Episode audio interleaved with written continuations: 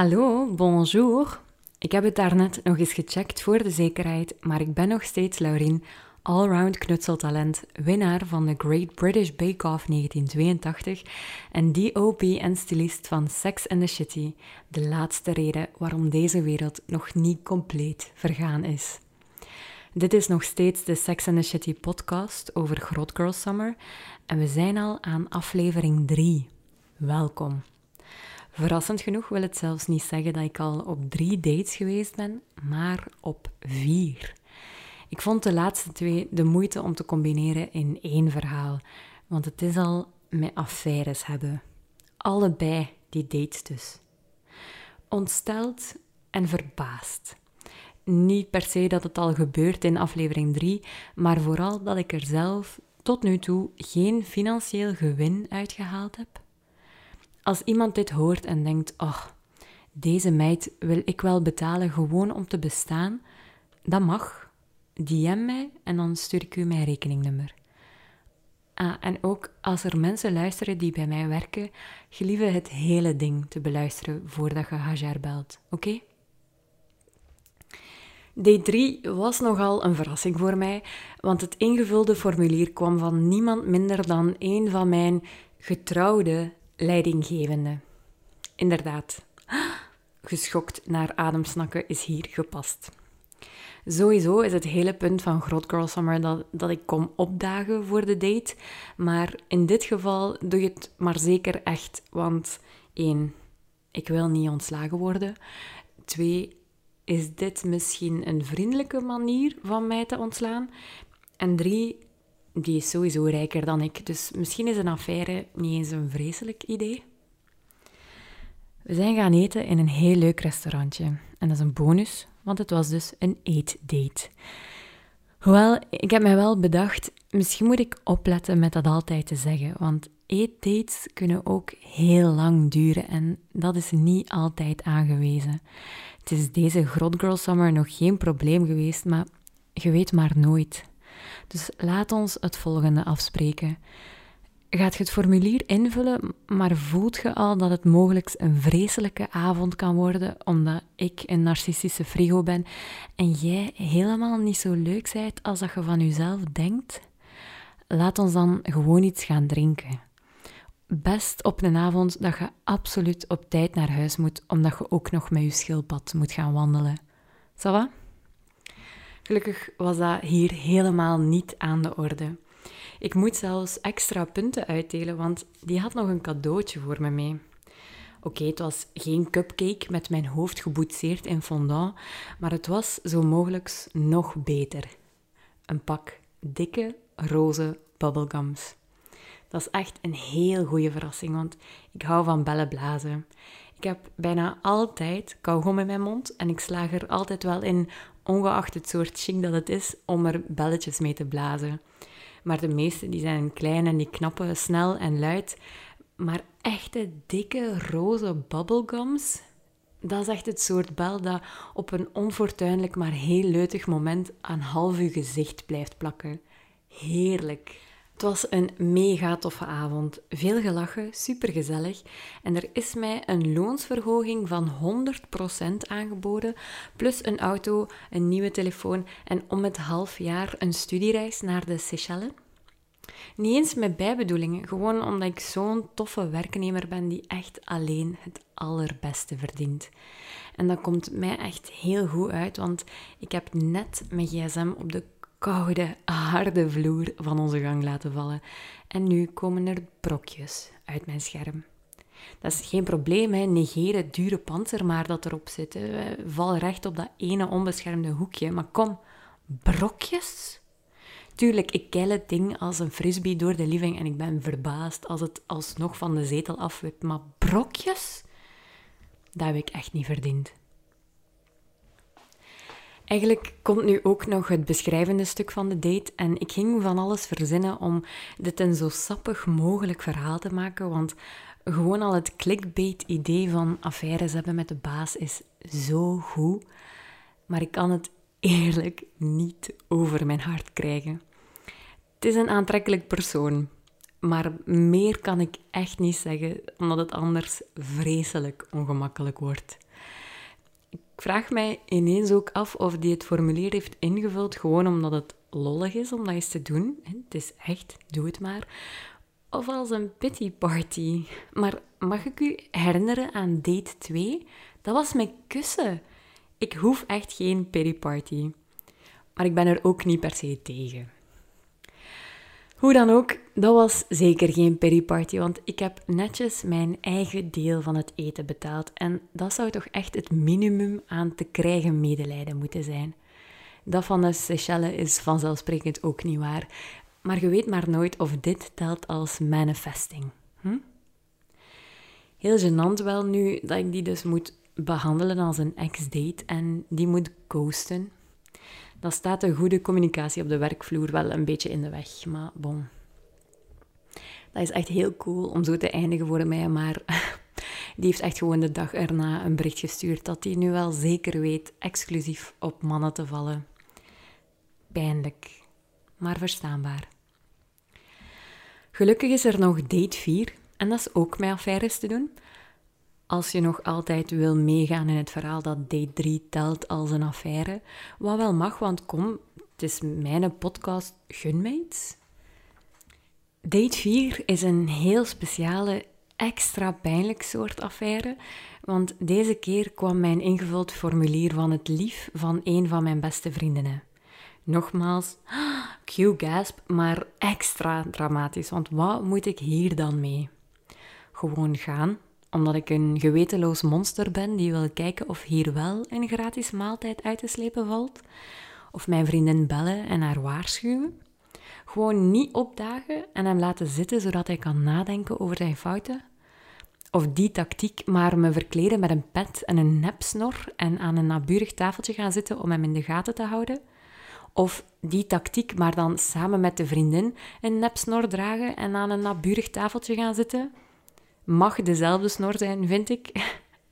Of toch gewoon mijn vriendin een bericht sturen en vragen of dit haar subtiele manier is om te polsen of ik een thruple met hen wil vormen. Want ik ben er wel vrij zeker van dat dat laatste het geval is. Ik bedoel, als je haar zou zien en zou kennen, je zou meteen inzien dat je zo'n vrouw nooit laat gaan. Dus hij heeft het formulier zeker niet ingevuld. Maar ik begrijp ook dat als je mij ziet, je dat een leuk extraatje zou vinden. We zijn nu eenmaal allebei ongelooflijk aantrekkelijke en intelligente mensen. Dus ik ben wel game. We hebben meteen afgesproken om de meest sexy activiteit ter wereld te gaan doen. A eten. Voor het gemak van de rest van dit verhaal ga ik naar hen verwijzen als Suzy en Michael. Niet omdat die namen per se het best hun persoonlijkheid reflecteren, maar omdat dat nu echt het eerste was dat in mij opkwam. En Suzy is echt gewoon een hele goede naam om te zeggen. Suzy. Ik besef ook net dat het waarschijnlijk komt omdat ik naar Stormzy aan het luisteren was, maar hoe dan ook. Suzy en Michael. Suzy. Suzy en Michael stonden mij al op te wachten aan het restaurant. Gewoon omdat ik stevast een beetje te laat vertrek en ook omdat ik niet per se wist dat het restaurant verhuisd was. Ik zeg altijd, voorbereiding is de sleutel tot succes. Vandaar waarschijnlijk dat mijn leven is zoals het is. Ik heb ooit als verjaardagscadeau gevraagd om er gewoon elke keer vanuit te gaan dat ik 10 minuten te laat zal zijn. Beste ooit. Nu ja, dat. En de prachtige platenspeler die ik van mijn vriendinnen gekregen heb en dan uitgeleend heb aan mijn oma, zodat zij haar eigen platen van Marwa ook nog eens kan beluisteren. Want nu kan ik eindeloos genieten van mijn huisgenoten die om de week wel eens zuchten. Hmm, hadden we maar een platenspeler. Ook tof. Suzy en Michael zijn twee heel toffe, slimme, grappige en lieve mensen. Het was al heel lang geleden dat ik hen gezien had, dus het was fijn om nog eens bij te praten. Het was eigenlijk ook de eerste keer dat ik Michael echt oprecht en te goed ontmoette. Want ook al zijn ze al eventjes samen, we wonen niet super dicht bij elkaar. En dan die hele globale pandemie daar ook nog eens bij. We hebben alle drie ook nogal eens de neiging om op andere continenten te gaan wonen. Want ik weet niet of je dit weet, maar ik heb dus ooit nog in Australië gewoond. Dus het is niet zo dat we mekaars deur anders wel platlopen, maar dat hoeft ook niet, want de liefde blijft even sterk. Date 4 komt er dus op neer dat we heel de tijd mega verleidelijk aan ribben hebben zitten knauwen. En ondertussen dan met onze vettige vingers zo tijgerklauwtjes naar elkaar hebben zitten gebaren. Weet je, zo een sexy poesdingen. Je weet wel. Hm. De beschrijving is even vreselijk als mijn uitvoering ervan had geweest. Behalve dat ik het niet doe, want ik blijf trouw aan mijn fingerguns. Sausige fingerguns. Voor het geval dat je vorige keer dacht dat het niet erger kon worden. We hebben ook nog een ijsje gegeten, gevraagd of we de bus slagroom en de rest van de chilisaus mee naar huis mochten nemen en vertrokken voor de zotste nacht ooit en de officiële start van dit Power. Dat is echt vies, hè? Vooral de combinatie van die slagroom en die chilisaus. Het is overduidelijk dat dit hele verhaal niet waar is. Ongelooflijk dat ik het ook nog eens zeg, voor het geval ik u toch even beet had. Maar Suzy en Michael die zeiden dat ik het zo moest verkopen voor de podcast, omdat dit heel veel spannender is dan gaan eten met vrienden. En dat is wel waar, maar ik vind het ook ongelooflijk lief. Niet die slagroom, maar het, het, het verhaal van het gaan eten met vrienden. Maar voor ik verder ga op dit hartverwarmend verhaal, ga ik toch nog een vuil slagroomverhaal ook vertellen, omdat ik u dan nu gewoon toch verschuldigd ben. Ik heb echt nog vele jobjes gehad tijdens mijn studies. Van nutteloze admin klasseren tot in de bakkerswinkel werken, heel tof. Tot post ronddragen.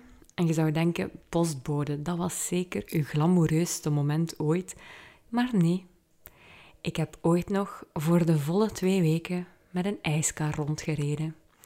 En je kunt al raden hoe dat eraan toe ging, zeker als je eruit ziet zoals ik eruit zie waanzinnig knap dus, voor wie daaraan herinnerd moest worden. En de klassieker, ik wil een bolletje van Niel en een bolletje van u, is mij altijd bijgebleven, maar vooral dit. Op een keer reed ik rond in een nabijgelegen dorp en een redelijk oude man houdt mij tegen. Bon, oud, ja, zeker weten al gepensioneerd. Hij geeft mij zijn bestelling door en wanneer ik mij omdraai om zijn ijs te scheppen, zegt hij: Amai, je hebt wel een heel schoon poep. Ongelooflijk ongepast, maar bon, dat was ook niet de eerste vuile praat die ik had moeten horen in die ijskar, helaas. En dat viel dan nog mee, dus ik zeg er niets op. En dan vraagt hij nog een dame blanche en terwijl ik de slagroom erop spuit, zegt hij... Dat ga ik straks van mijn vrouw haar vagina likken. Ja, dat heb je correct gehoord. En dat heb ik zes jaar geleden correct gehoord en het achtervolgt me nog steeds. Vooral komende van zo'n oud meneertje. Ik bedoel, goed voor u. Echt, maar... Eh, eh, zo ongepast. Hoe dan ook, je een vies slagroomverhaal en je hebt er een gekregen. Ik weet eigenlijk niet of je het wou, maar je hebt het toch gekregen. Graag gedaan. Terug naar date 4 dan. Op een manier zou je kunnen zeggen dat mijn geweldig misleidende titel over die affaires echt beter gewoon pity party had geweest. Want er waren twee dates in één week die ik heb gehad met vrienden van mij. Maar het was absoluut niet zo, ook omdat ik ook op date 4 mijn eigen deel van het eten betaald heb. En het was gewoon ook echt heel fijn.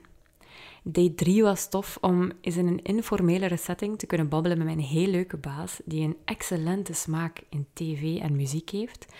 En date 4 was oprecht heel cool dat het lief van een vriendin van mij de moeite wou doen om een van haar vriendinnen beter te leren kennen. Dat is echt geniaal en elke man die nu luistert, je verbleekt in vergelijking. Sorry. Michael is een super interessante man die er al een heel uitgebreid leven heeft opzitten, van topsport tot bijstuderen tot ook, en je raadt het nooit, in Australië gewoond te hebben. En dat is zo indrukwekkend. Hij heeft al zoveel bereikt. Net zoals Suzy trouwens. Shout-out naar uw internationale New York carrière, Suzy. En ik ben zo dankbaar voor deze twee mensen in mijn leven. En dat die gewoon zo gek zijn om mijn formulieren te vullen om op vriendendate te gaan. Dat is heel tof. Zat er wel geen kauwgom bij. En dat vind ik minder.